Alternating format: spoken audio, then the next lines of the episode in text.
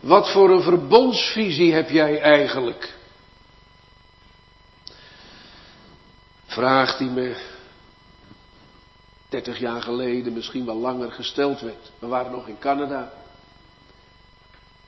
En we hadden van de school, die bij de kerk behoorde, één keer in het jaar een aantal studiedagen voor het onderwijzend personeel. Samen met de scholen, meervoud, van de gereformeerde gemeente. En we kwamen samen in Norwich, in de gereformeerde gemeente, en daar stond toen onze overleden broeder dominee John Spaans. Een hele gulle man, een degelijke, bevindelijke dominee. Wat voor een verbondsvisie heb je eigenlijk? Het was de eerste keer dat we elkaar ontmoeten. Nou word ik zeker als je de eerste keer dat je elkaar ontmoet zulke vragen krijgt altijd een beetje kregel van binnen. Want gaat het daarover? Ik heb gezegd tegen hem, dat zal ik je vertellen.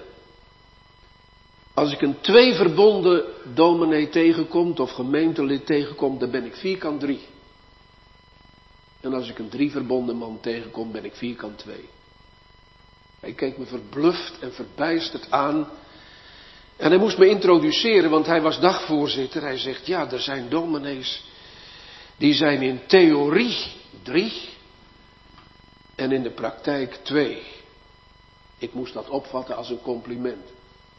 Als u het nog begrijpt, ik niet. Want waar gaat het over bij het verbond? Niet over onze theorieën. Natuurlijk moet je een degelijk dogmatisch fundament hebben. Ik weet dat allemaal. Maar weet u, sinds de afscheiding 1834 hebben wij beschamend veel getwist over het verbond en te weinig geleefd uit het verbond. En daar loopt het over. De beleving.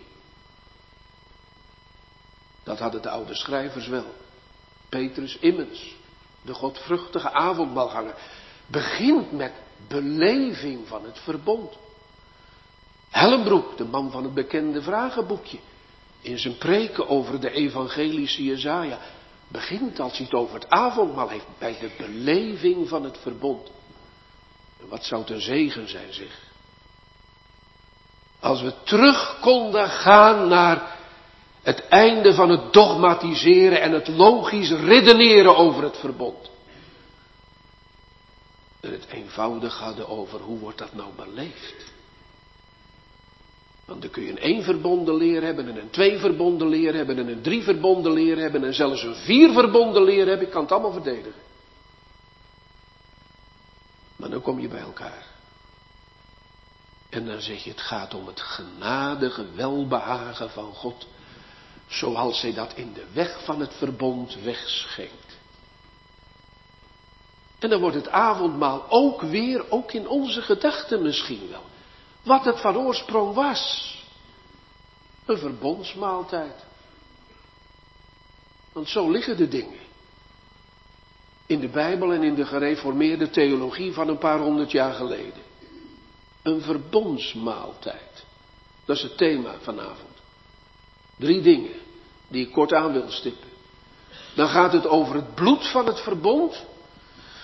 Want het gedeelte wat ik gelezen heb, in het licht ook van de schriftlezing uit Hebreeën 9, zegt dat de Heer Jezus Christus de drinkbeker neemt en gedankt hebbend, gaf hun die zeggende, drinkt allen daaruit, deze drinkbeker is het nieuwe verbond in mijn bloed.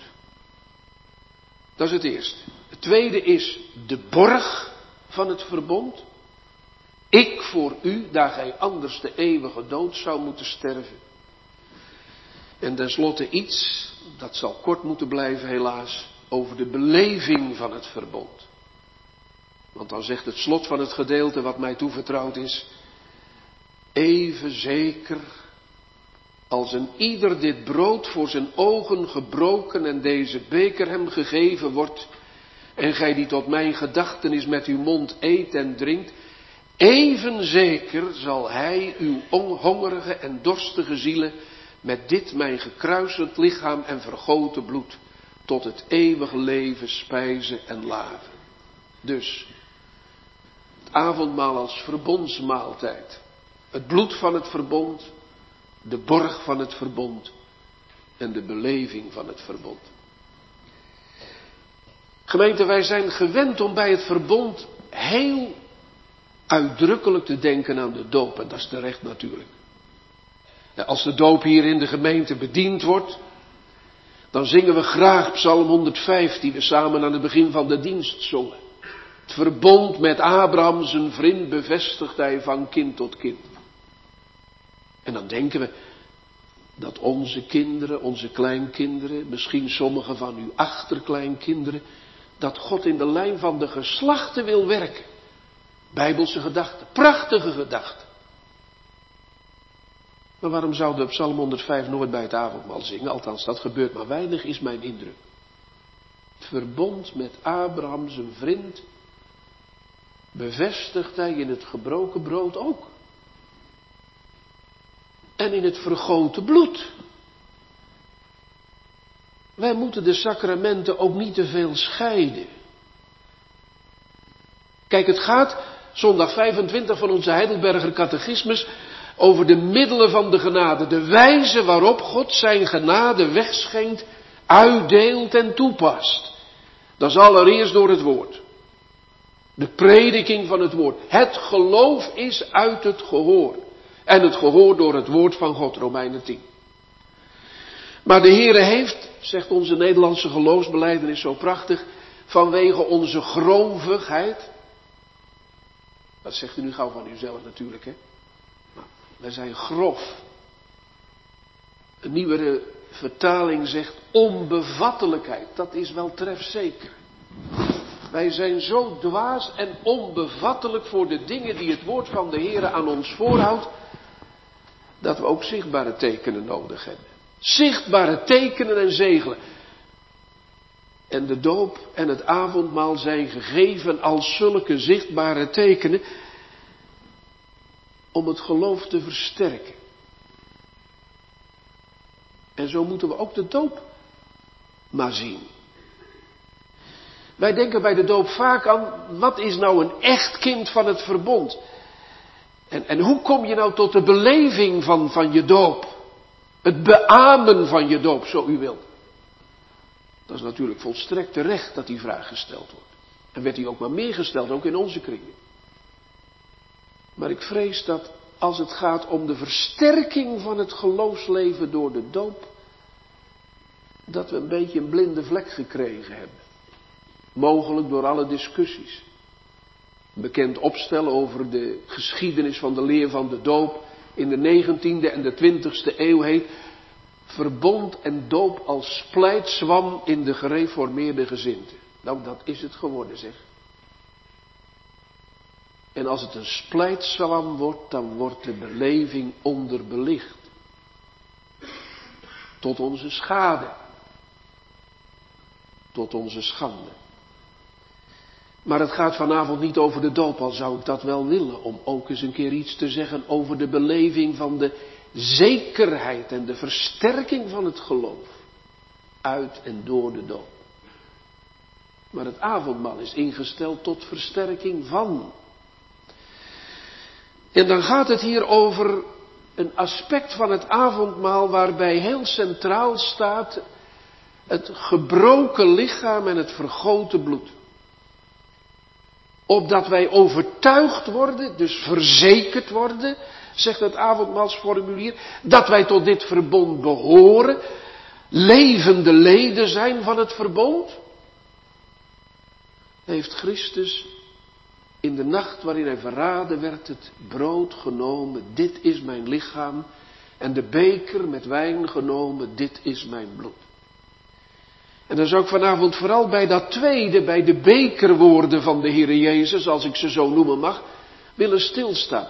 Want het Oude Testament maakt duidelijk dat er een hele nauwe relatie is tussen het verbond van God en het bloed. Ik noem drie teksten en u mag ze thuis nakijken en hopelijk bestudeert u ze ook echt aan de hand van een goede verklaring of van de kanttekening. Allereerst Genesis 15. God bevestigt zijn verbond met Abraham en dan gebeurt er dit. Abraham die moet een eh, offerdier nemen. Een var, rund zouden wij zeggen. Een schaap, tortelduiven, kleine duiven. En hij moet die grote offerdieren moet hij in stukken houden. En de helften tegenover elkaar neerleggen, zo dat er een weg van bloed komt tussen die helften van die offerdieren. Dan komen er vogels. Ze komen op het dode lichaam van die offerdieren af. Abraham jaagt ze weg. En dan wordt het donker en dan valt hij in een diepe slaap en krijgt hij een visioen. En wat ziet hij? Dan gaat God als een licht door die straat van bloed heen. De Heere gaat voorbij langs de weg van het bloed en hij zegt, ik zal u zegenen. God bevestigt zijn verbond langs de weg van het bloed. Wat betekent dat? Wel, die hele ceremonie die is ook bekend uit het heidendom van die tijd. Als iemand een belangrijk verbond sloot, zeg maar de koning van Babel met de koning van de Hittieten of iets dergelijks, dan werd deze ceremonie gevolgd. Er werden offerdieren geslacht en de helften werden tegenover elkaar gelegd en het bloed liep eruit op de weg tussen de helften van de offerdieren toe. En de gedachte was dan deze. Als u dit verbond, deze belofte die u aflegt, verbreekt, dan mag het u vergaan zoals dit offerdier. Sterven. De eeuwige dood. Ik voor u. Dat wordt daar al zichtbaar. Dat hij anders de eeuwige dood zal moeten sterven. Zullen we het niet vergeten? Als jij als uw verbondsbreker bent. En dat bent u als u ongelovig bent en onbekeerd bent. Dan hebt u het verdiend dat u de dood zult sterven. Net zoals de helft van die offerdieren, het bloed liep eruit. Sterven. Nog een element uit het getuigenis van de Bijbel. Als Mozes de tabernakel heeft gebouwd, althans door allerlei helpers heeft laten bouwen volgens het voorschrift, wat de Heere hem op de berg heeft getoond, dan moet de hoge priester komen en dan moeten offerdieren geslacht worden. En u vindt daar een zinspeling op in Hebreeën 9, het stuk wat gelezen is. En dan neemt Mozes dan neemt de hoge priester, moet ik zeggen, het bloed in een bekken. Grote kom zouden wij zeggen. En de helft van het bloed wordt op het altaar gespreekt. En de andere helft op het volk gesprenkeld. En dan zegt Mozes in de naam van de Heere, dit is het bloed van het verbond, dat voor u vergoten is. De apostel zegt in de brief aan de Hebreeën het net iets anders. Hij laat de vervulling van die woorden uit Exodus 24 zien. Hij zegt het bloed werd gesprenkeld op het boek en op het volk. Mozes zegt op het altaar en op het volk. Dat is niet met elkaar in strijd. Wat betekent dit? Dat betekent dat wanneer het heiligdom in gebruik genomen wordt. Het heiligdom wat straks mee zal gaan door de rest van de woestijnreis en in het beloofde land zal binnenkomen en vervangen zal worden door de prachtige tempel van Salomo. Dat er twee kanten zitten aan dat heiligdom. Allereerst wat God belooft, zijn woord, het offer, het altaar. God komt langs de weg van het altaar, langs de weg van het vergoten bloed op het brandofferaltaar naar zijn volk toe. Maar hij vraagt ook van dat volk dat het door de besprenging van het bloed gereinigd en geheiligd wordt. Dat belooft hij. Maar hij vraagt het ook dat ze zich laten reinigen en dat ze naar de woorden van dat boek van het verbond, naar de wet van God zullen leven. En dan nog een woord uit de Bijbel. En dat is een woord wat het meest bekend is voor u en voor jou. Als de Heer Jezus het avondmaal instelt in de nacht waarin hij verraden wordt, dan neemt hij het brood en breekt hij het. Welk brood? De matzes. Dat zijn de ongezuurde koeken van het Pesachfeest, zoals dat in het Jodendom heet, van het paasfeest. Hij breekt het brood. En hij deelt het uit. Maar ook die ceremonie gebeurt niet zonder bloed. Want als u leest hoe het paascha is ingesteld in het boek Exodus, dan weet u dat die Israëlieten toen ze op het punt stonden om uit Egypte te vertrekken, voor de tiende plaag zichzelf en hun kinderen moesten beschermen tegen de engel van het verderf. En dan moest het lam geslacht worden, het paaslam. En dan moest het bloed gesprenkeld worden, gesmeerd worden, liever gezegd, aan de zijposten en de bovendorpel van de deuren. En als God het bloed zou zien, dan zou de engel van het verderf aan hen voorbij gaan. Ik voor u. Daar gij anders de eeuwige dood zou moeten sterven. Het breken van het brood in de paasnacht, de inzetting van het avondmaal, geschiet achter het bloed. Als het Oude Testament laten meespreken. En het lam wat geslacht is, ook in de paasnacht waarin de Heer Jezus met zijn discipelen het paascha vierde. Dat lam waarvan geen been gebroken mocht worden. Dat lam wijst heen naar hem die daar staat en die zegt, dit is mijn lichaam. Wat voor u wel gebroken wordt. En hij deelt het uit. Dit is mijn bloed. Opdat wij, zegt de kerk van de Reformatie, mogen geloven dat wij in de weldaden van dit genadeverbond delen. Zullen we het niet vergeten? Dat het avondmaal ons ten diepste wijst op het bloed van het verbond. En dat God zo lief zijn kerk heeft, dat hij ze niet laat sterven en omkomen door eigen zonde en schuld, dat zou verdiend zijn. Maar in de tekenen van brood en wijn laat hij zien dat hij zijn eigen zoon heeft overgegeven.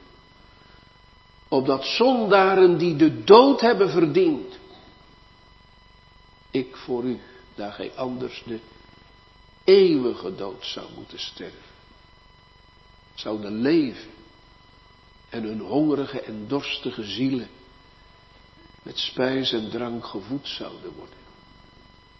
Laten we nooit vergeten, gemeente, dat het heilig avondmaal ons zichtbaar eraan herinnert wat het de Heere Jezus gekost heeft. Ik voor u. En dan komen we bij het tweede element uit dit gedeelte. Niet alleen door het breken van het brood en door het drinken van de wijn, maar het is iets, zegt het gedeelte, wat heen wijst naar Hem, zo dikwijls als gij van dit brood eet en van deze beker drinkt, zult gij daardoor als door een gewisse gedachtenis en pand vermaand en verzekerd worden van deze mijn hartelijke liefde en trouw jegens u. Dat ik voor u, daar gij anders de eeuwige dood had moeten sterven, mijn lichaam aan het hout des kruises in de dood geven. Prachtige woorden, bijbelse woorden ook. Wij leven in tijden waarin het avondmaalsformulier in verschillende kerken, ook in onze eigen kerken, wordt vervangen door een nieuwere versie.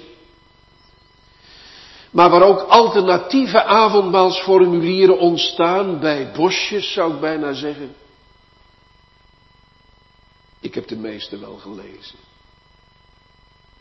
Ze halen het niet bij dit prachtige klassieke formulier. Ik voor u. Dan zie ik altijd als ik deze woorden lees in gedachten de Heer Jezus staan in de hof van Gethsemane. U kunt het lezen in het 18e hoofdstuk van het Johannesevangelie bijvoorbeeld, dat is op dit punt het duidelijkst. En dan staat er dat de Heer Jezus Christus in de hof van Gethsemane is en Johannes veronderstelt, dat wordt door hem niet uitvoerig bericht, maar dat staat wel in de andere evangelie, dat de Heer Jezus geworsteld heeft in de hof. En Lucas, de dokter onder de evangelisten, laat ons weten dat zijn lichaam en dat zijn kleding bevlekt was met bloed. Bloed. Korsten. Staat er in het Grieks, waar ons woord trombose van afgeleid is. Bloed, klonters. Korsten van bloed op zijn gewaad. Zichtbaar. Totdat zijn kleding hem uitgetrokken wordt voor Pilatus naar alle waarschijnlijkheid. En dan komt de Heer Jezus ineens naar voren als die hele bende van de overpriesters en de schriftgeleerden met de tempelpolitie die in dienst stond van de Romeinen in de hof van Gethsemane gekomen is onder aanvoering van Judas. En dan zegt de Heer Jezus, wien zoekt gij? En ze zeggen het een beetje onverschillig, want ze zien het niet goed naar alle waarschijnlijkheid in de duisternis. Jezus van Nazareth. En dan antwoordt de Heer Jezus hoe?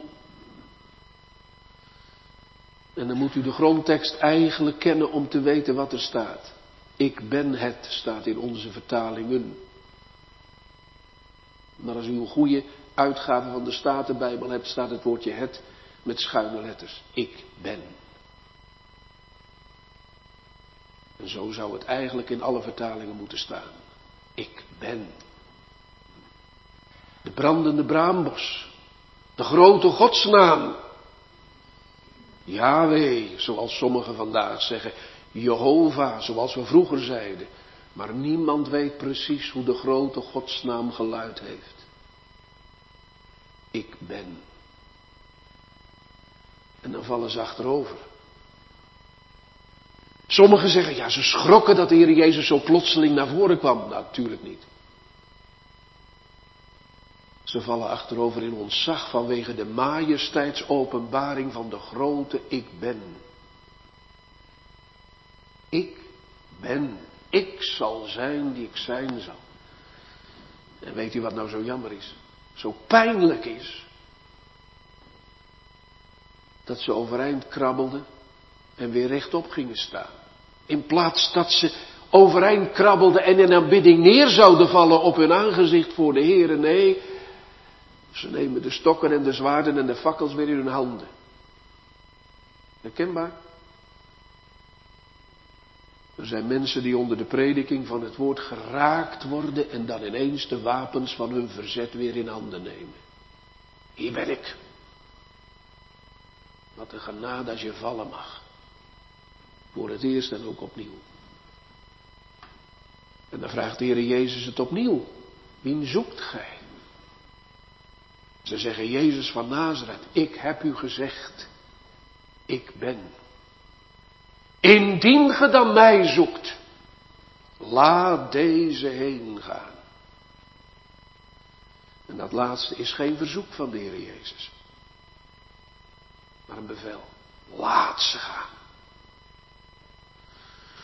En dan moet u dat zien in het licht van de weg die Jezus gaat. Hij staat niet alleen voor zijn aardse beulen en rechters, maar ten diepste voor het hoge gericht van God. En dat zit ook in de taal van ons avondmaalsformulier. Vader,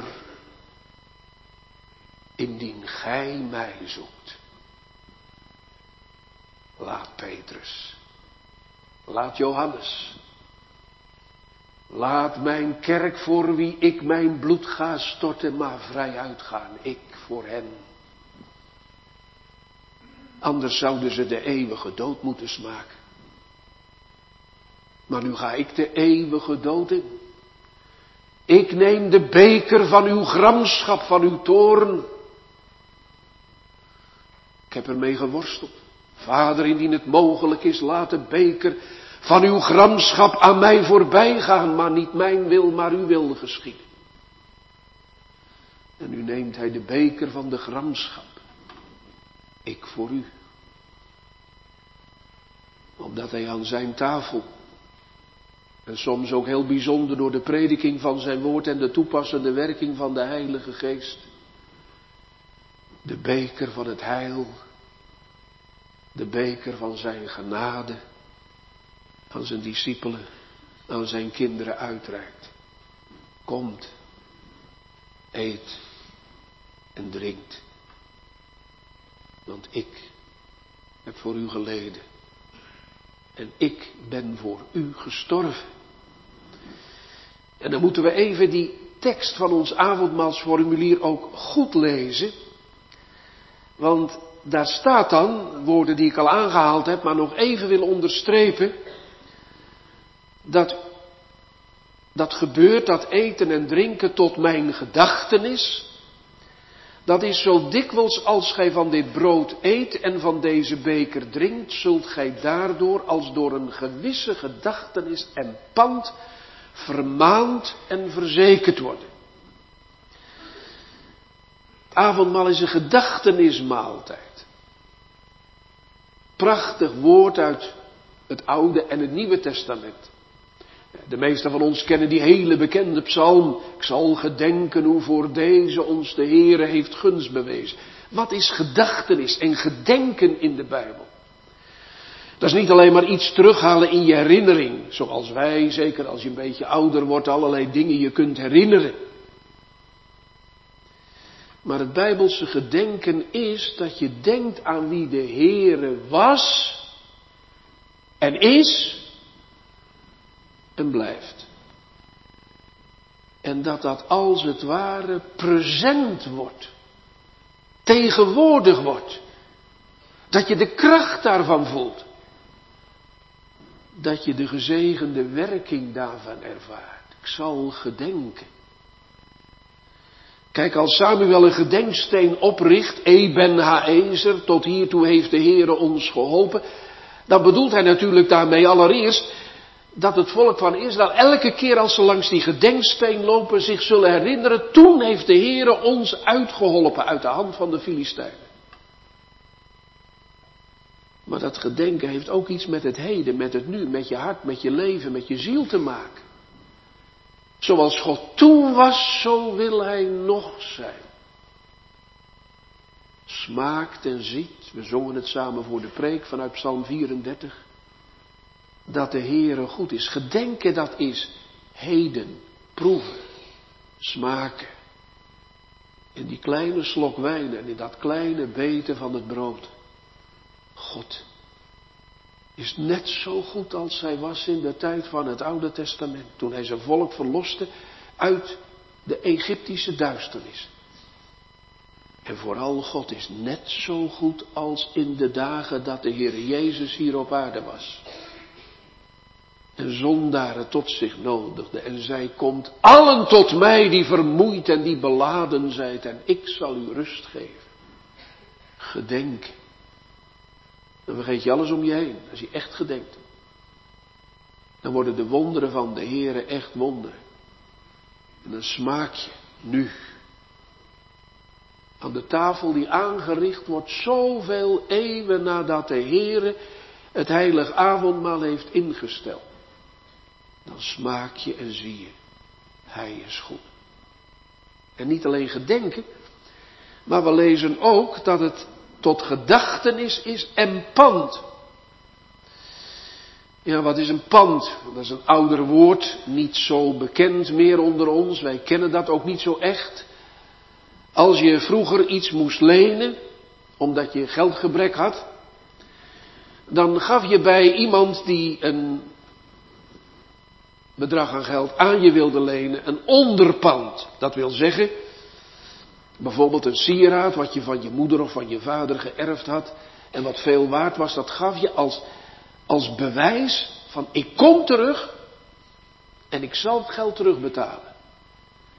En die man had dus een stuk zekerheid van hij zal zeker terugkomen om dat bedrag aan mij terug te betalen. Een pand.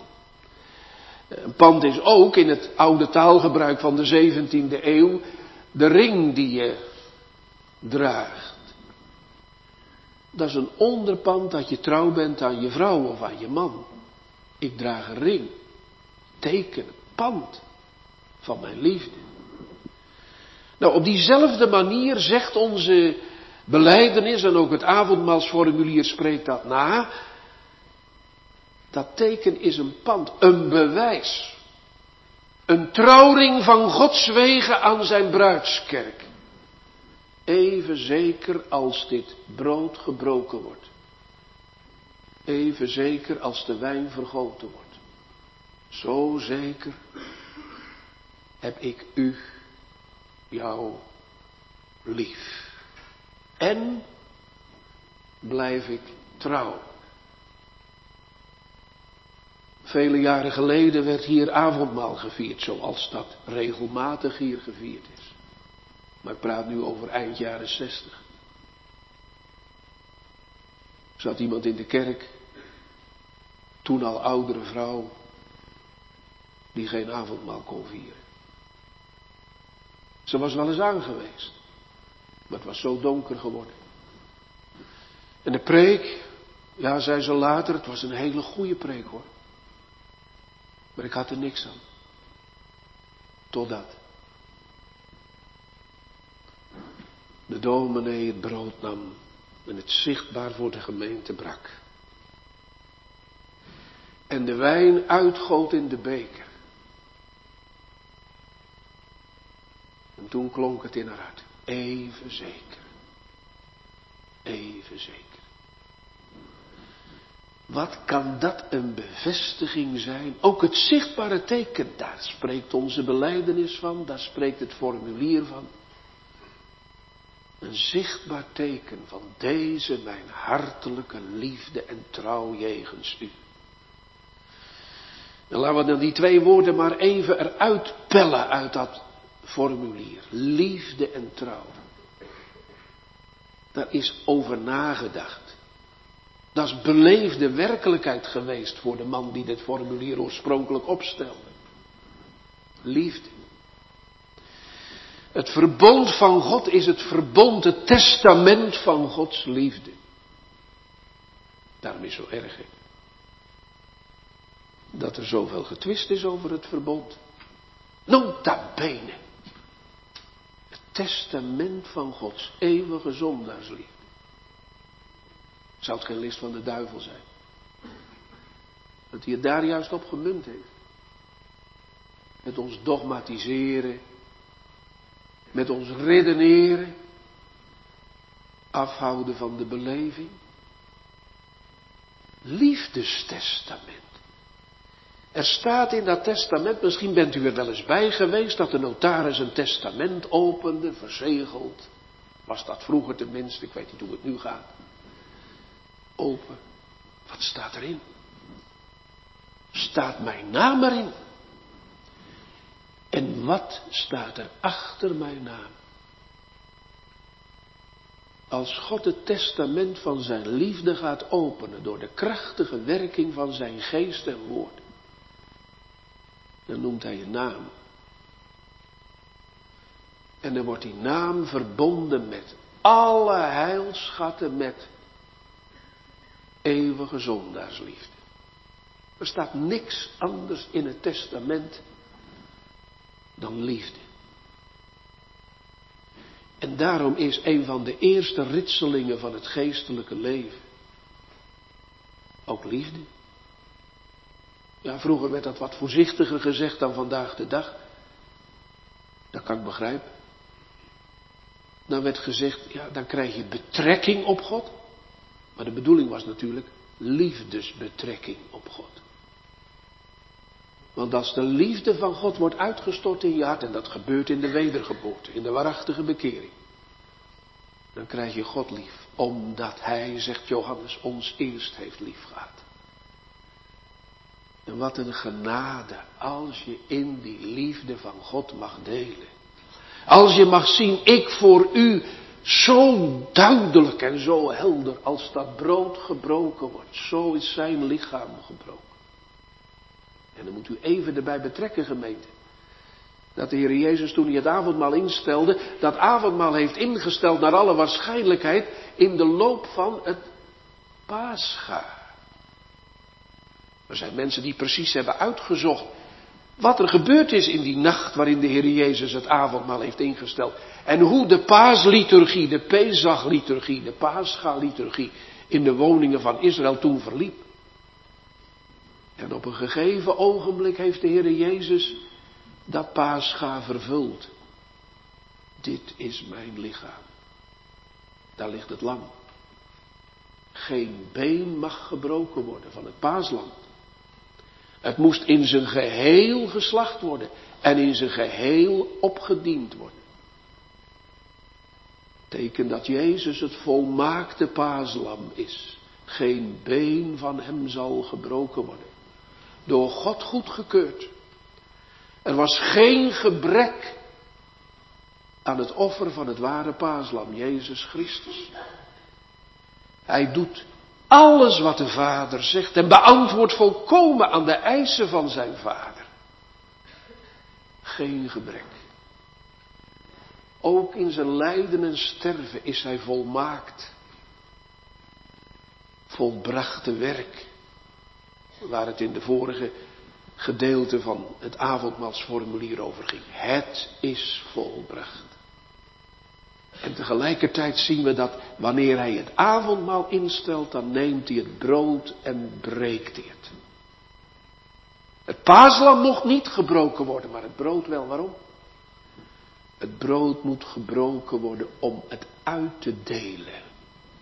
Petrus, Johannes, Thomas, Bartholomeus, noemt u ze maar op.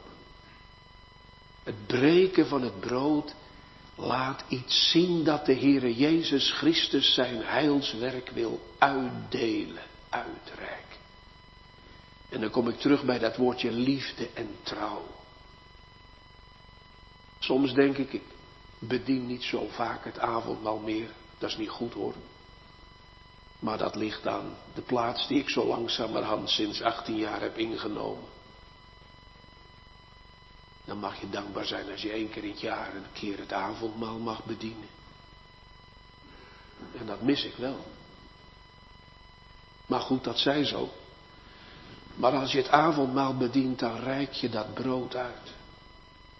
Zo wil de Heere zijn vergoten bloed en zijn gebroken lichaam en de vrucht daarvan voor het innerlijke leven uitdelen en toepassen. En dat doet hij in zijn liefde en trouw. En zet nu maar die drie dubbel dikke streep onder trouw. Indien wij ontrouw zijn. En als ik terugkijk naar de week van voorbereiding en de weken die daaraan vooraf gingen. Wie moet dan niet zeggen indien wij ontrouw zijn? Dominees, ouderlingen. Mensen die misschien al jaren avondmaal mogen vieren indien wij ontrouw zijn. Heren, wat heb ik er weer veel zonde gedaan. Gedwaald als een schaap. Soms willens en wetens gedwaald. Vergeef. Hij blijft getrouw. Er staat erachter. Hij kan zichzelf niet verloochenen. Wij kunnen hem wel verloochenen. Maar hij zichzelf niet. Zijn naam niet. Zijn werk niet. Zijn naam is Jezus. Hij zal zijn volk zalig maken van al hun zonden. En hij betoont zijn liefde en trouw in die tekenen. En dan nog even iets over de beleving. Ja, te kort. Maar hopelijk mediteert u er verder over. Daar staat, ik voor u, mijn gezegend lichaam aan het hout des kruises in de dood geven en mijn bloed vergieten. En uw hongerige en dorstige zielen met dit mijn gekruisigd lichaam en vergoten bloed tot het eeuwige leven spijzen en laven. Even zeker als je met je ogen ziet dat het brood gebroken wordt en de beker gegeven wordt en die met je mond eten drinkt. Prachtige uitdrukking en in onze liturgische formulieren, waar het avondmaalsformulier er één van is, komen allerlei uitdrukkingen terug uit de oude kerk. Een van de allervroegste geschriften uit de oude kerk, 110 na Christus of zoiets, is de zogenaamde leer van de twaalf apostelen. Die twaalf apostelen hebben dat niet geschreven, dat weten we inmiddels goed. Maar het is wel een stuk wat heel vroeg in de oude kerk, vlak na het Nieuwe Testament ontstaan is. En dan gaat het ook over het avondmaal. En dan wordt het avondmaal genoemd een medicijn voor het eeuwige leven.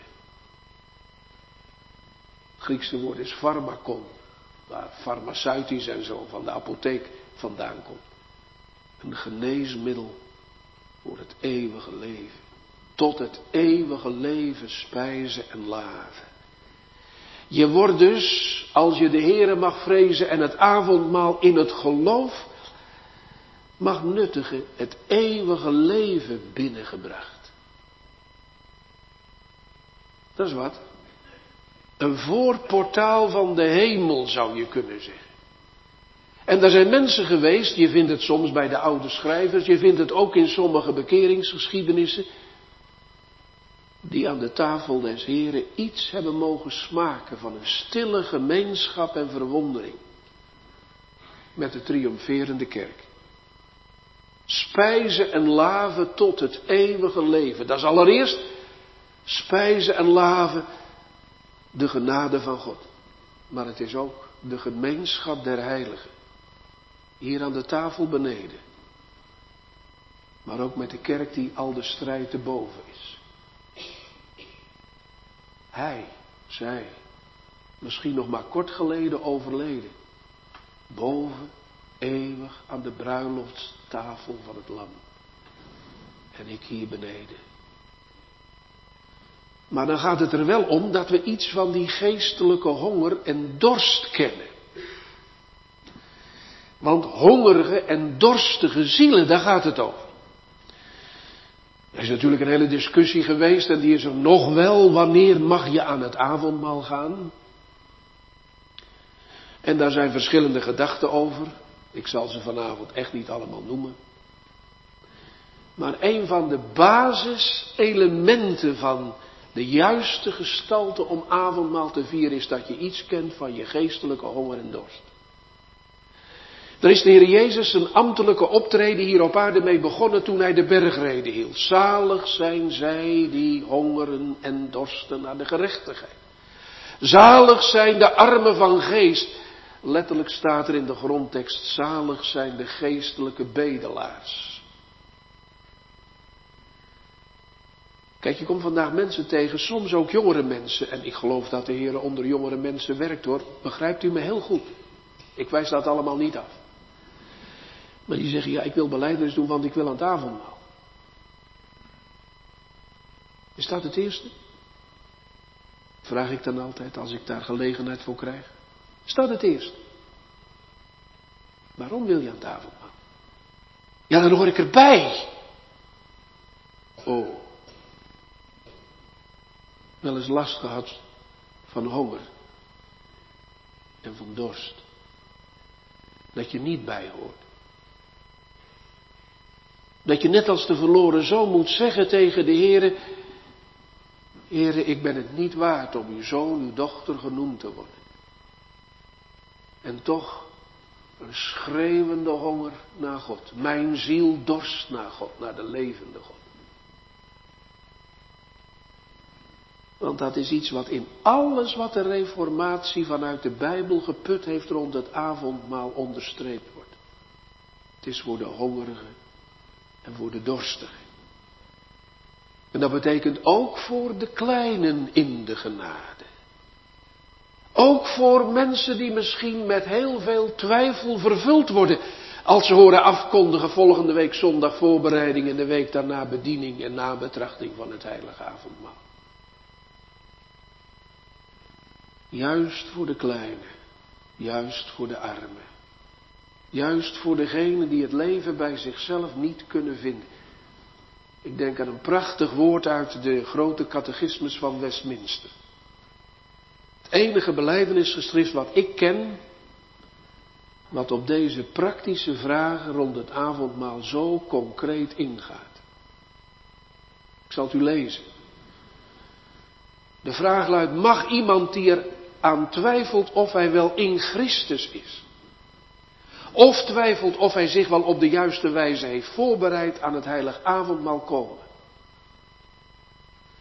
En dan moet u het antwoord echt goed doordenken. Dan gaat het twee kanten op. Antwoord zegt, iemand die eraan twijfelt of hij wel in Christus is, of twijfelt of hij zich wel op de juiste wijze heeft voorbereid voor het sacrament van het avondmaal, kan werkelijk deel hebben aan Christus. Hoewel hij daarvan nog niet ten volle verzekerd is. Wanneer diegene voldoende getroffen is door het besef van de noodzaak van deze verzekering en er ongeveinsd naar verlangt om in Christus gevonden te worden en af te staan van ongerechtigheid, heeft hij vanuit het oogpunt van God bezien deel aan Christus. Indien, indien dit zo is, omdat de beloften gegeven zijn en dit sacrament is ingesteld om zelfs de zwakke en de twijfelmoedige christenen te versterken, moet hij zijn ongeloof betreuren. En ernaar streven dat zijn twijfel wordt weggenomen. Door dit te doen mag en moet hij naar het heilige avondmaal komen. Opdat hij verder gesterkt wordt. Voelt u het? De nodiging gaat uit, juist tot het zwak. Maar de zwakheid van het kleingeloof wordt niet goed gepraat. Je zonde betreuren. Doet u dat? Als u van uzelf zegt, ja, ik sta nog maar aan het begin. Dat kan zo zijn. En dan is het heilig avondmaal juist ook voor het zwakke, maar hebt u verdriet van uw kleingeloof? Waarom hebt gij gewankeld, zegt de Heer Jezus, in liefde verwijten? Gij kleingelovigen. Heren, ik geloof. Kom mijn ongelovigheid te hulp. Zou dat het antwoord niet zijn?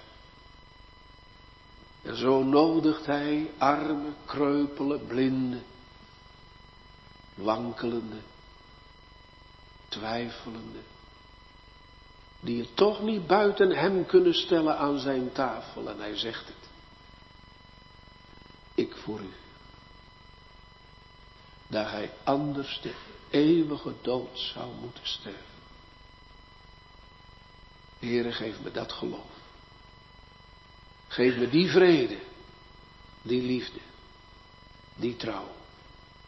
Zoals u het gezegd hebt. Brandoffers konden niet helpen. Slachtoffers, zelfs het bloed van het paaslam in het oude Egypte ten diepste niet. Maar zie, ik kom om uw wil te doen. Dat staat boven iedere avondmaalstafel geschreven. Ik voor u. Amen.